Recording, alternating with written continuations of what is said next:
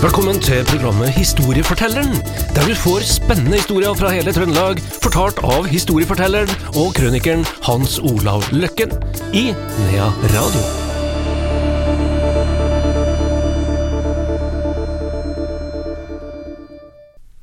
Historiefortelleren er tilbake. Vi skal litt tilbake i tid. Eh, Velkommen hit, Hans Olav Løkken. Jo, takk. Du har tatt utgangspunkt i ja, det trønderske forhold. Det er utvandring, og um, det skjer dramatiske ting. Det skjer virkelig dramatiske ting. Det er ei vond historie, samtidig som det er ei god historie.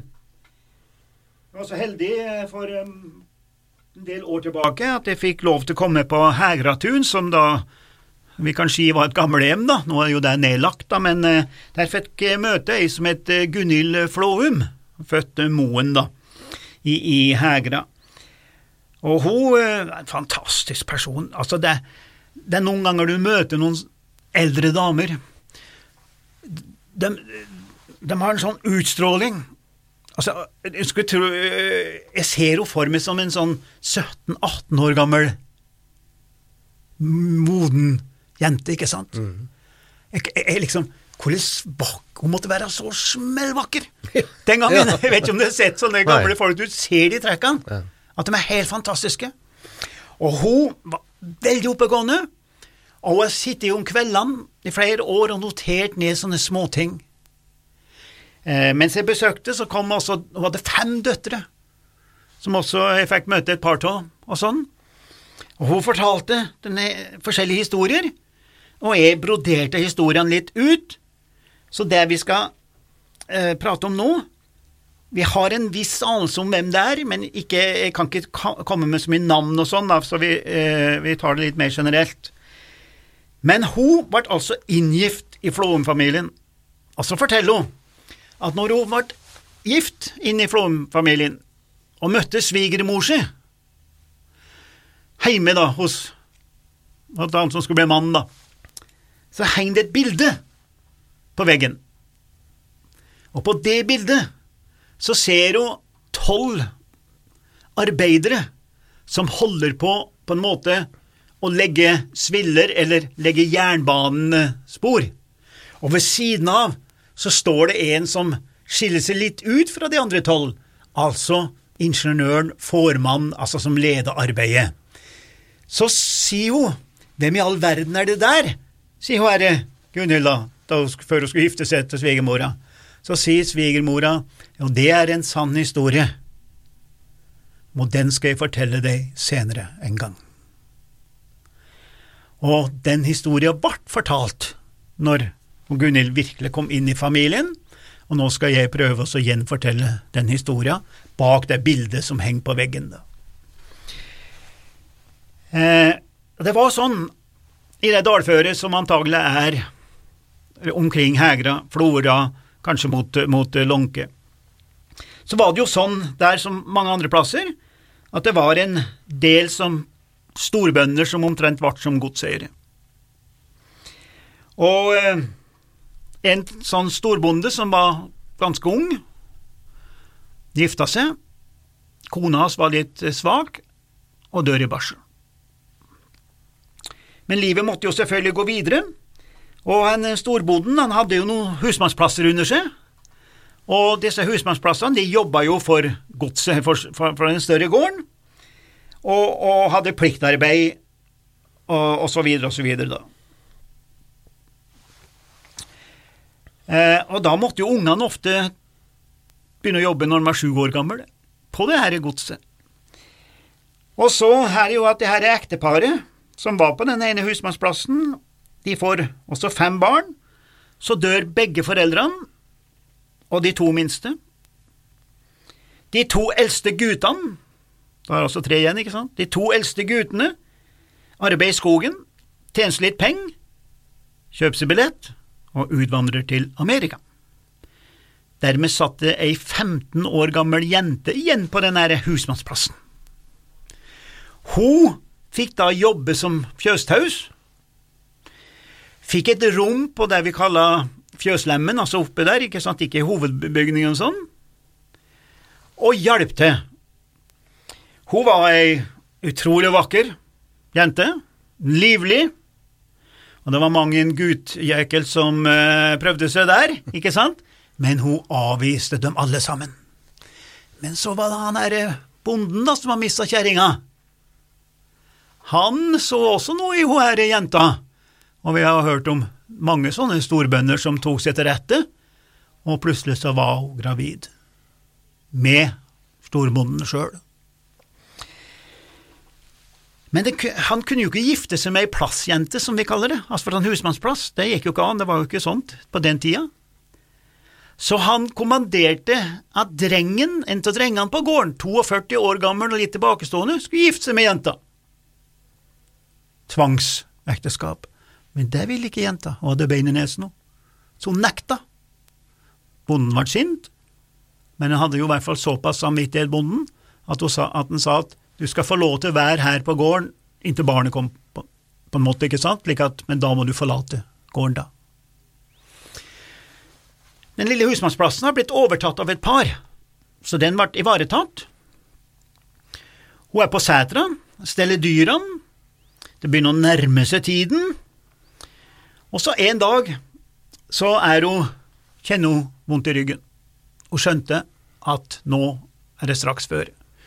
Hun hadde avtalt med ei tante som bodde en stund unna, om at når tiden kom og skulle føde, så skulle hun komme til tanta som ikke hadde barn. Hun var gift, men hadde ikke barn, og de skulle ta seg av ungen òg. Så hun tok på seg skien, går fra plassen, dette her altså før jul, da, går og veit om å gå gjennom en skog, der er det en sti, og midt inne i skogen så er det ei lita hytte, lita stue på mange måter, og der bor en slektning av henne. Så hun sier til seg sjøl, hvis det nå skjer noe på turen, så får jeg prøve å komme meg inn til han i stua. Så hun går og kommer midt inn i skogen, da hun plutselig må ned på kne. Og der gir hun, både, gir hun liv til sin sønn. Hun føder altså en unge midt inne i snøen i skogen. På den tiden var det veldig mye ulv, og ulven fikk selvfølgelig teft av fødsel og blod, og det gikk ikke lenge før det ula overalt når ulvene kalle sammen til angrep. Hun begynner å rope, for i håp om at slektningen, som var bare kanskje en 50 meter unna inn i den, inn i den, uh, den hytta, ville høre. Han var hjemme, men han hørte ikke hun da, men han hørte ulvene. Det, det, var jo ikke noe problem. Han brukte å skyte ulver, for det var en sånn biinntekt. Så han dro ut, skjøt to ulver, så ble det litt stille før de gikk løs på sine egne. Det er jo ofte sånn med ulven at de kan Får du drept én, så kan de bli opptatt med det. Da hørte han jenta som ropte. Han fant henne, tok henne med inn, lem for døra, fyra opp, kledde henne naken, fikk hun i den lille senga der, laga vann, skulle ordne opp, tok lissene ut av skoene hennes, knytte rundt livsnerva, eh, navlen, og trakk av der. Så ser han at ungen er jo blå. Tok ungen, holdt den over den der eh, balja hvor han hadde varma vannet, og holdt det der i lang tid til ungen skifta farge. Hun ble bra igjen på mange måter. Da kom morkaka.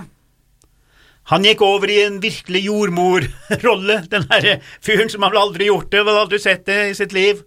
Han stello og redder jo på mange måter livet på begge to. Dagen etterpå står hun opp, får vaska seg, men hun blir liggende en to–tre dager mens han her slektningen steller både ungen og hun. Så går det jo tiden, og han måtte se å komme seg til butikken. Det var liksom ikke bare rundt hjørnet, det var ganske langt å gå, Så vi tror det er til Hegra, da, men, men eh, at han kom på butikken.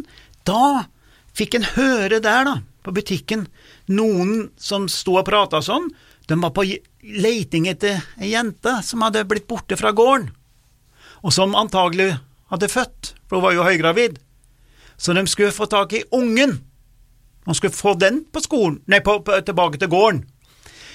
Da stakk en fort hjem, fortalte jenta vi må komme oss vekk. Han hadde da fått også høre at det lå en amerikabåt i Trondheim, altså en båt klar for avgang til Amerika. Så han tar i ulveskinn, pakker inn gutten i en ryggsekk, tar med ho, jenta, går første etappe til en husmannsplass ved siden av en militærleir, og det må være militærleiren i Lånke. Får overnatting der, får et kart hvordan han skal komme seg raskest til Trondheim, kommer til Trondheim på kveldstid, og der ligger båten, og han går til skipperen og sier jeg har ei jente her, kan du ta henne med til Amerika, så skal hun uh, finne brødskinnet som har dratt over da uh, straks før. Så sier han skipperen ja du, vi har en prest her, han tar henne sikkert med. Og presten tok henne med, og presten forteller at han har vært hjemme i, i, i, i Trøndelag hos foreldrene en siste tur, men han måtte tilbake til Amerika, for han hadde en stor farm og sånn. Og han tok imot, og der forsvinner hun på en måte ut av historien, og vi kunne slutta med historia. Nei da, det er nå historia virkelig kommer.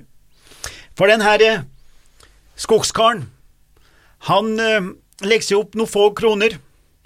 Et par år etterpå så gifter han seg, eh, og får på, på en måte en familie, og sånn. Og så går det, går det noen år. Det gikk, eh, vel, eh, gikk vel fem år, så kommer det et brev fra Amerika med, med, med, om at hun har blitt gifta seg med han presten. Men hun fikk ikke noe barn sammen, men presten har adoptert hennes sønn og skulle gi en skolegang og, og sånn når han vokser til. Så går det 35 år, de begynner å bli litt eldre, det her ekteparet som jeg har fått sitt hus inne i skogen der, da, ikke sant? Da kommer det et nytt brev som, eh, som forteller om, om uh, ståa, da, og, og, og, hvordan det er gått, og,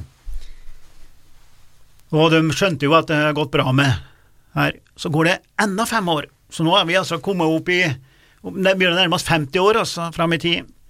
Så kommer det enda et brev som forteller at fra hun jenta presten var nå død, og hun hadde solgt farmen og fått ganske mye penger for den, og hun er flyttet til sin sønn, som hadde høyere utdannelse og var overingeniør ved et jernbaneselskap og drev og la jernbane over, over kontinentet. Og presten hadde skrevet sitt testament straks før han døde, og sagt at halvparten av pengene for farmen skulle tilfalle den herre skogskaren som har redda hans kone og hans adoptivsønn. Og der kom halvparten av pengene fra Amerika. Og da hadde han fyren der, han hadde begynt å bli så dårlig, han hadde så vondt i ryggen, og han sa til kjerringa, straks før brevet kom, så han sagt til kjerringa, at nå blir det vel bare fattighus på oss. Nå blir det vel bare fattighus på oss. Og så kom brevet, med penger og alt, og han takka Gud på følgende måte, hvor han sendte sine tanker, da, for uh, det var så mye penger at uh, livskvelden Hør på uttrykket. Livskvelden var sikra for begge to. De kom seg vekk fra fattighuset. En fantastisk historie fra tidlig 1800-tallet. Vi eh, er ikke helt sikre, men antagelig Flora, altså Stjørdalsflora, Hegra, eh, via Trondheim og så til Amerika, og så gikk det faktisk bra til slutt. Takk skal du ha, Hans Olav Løkken, vår historieforteller.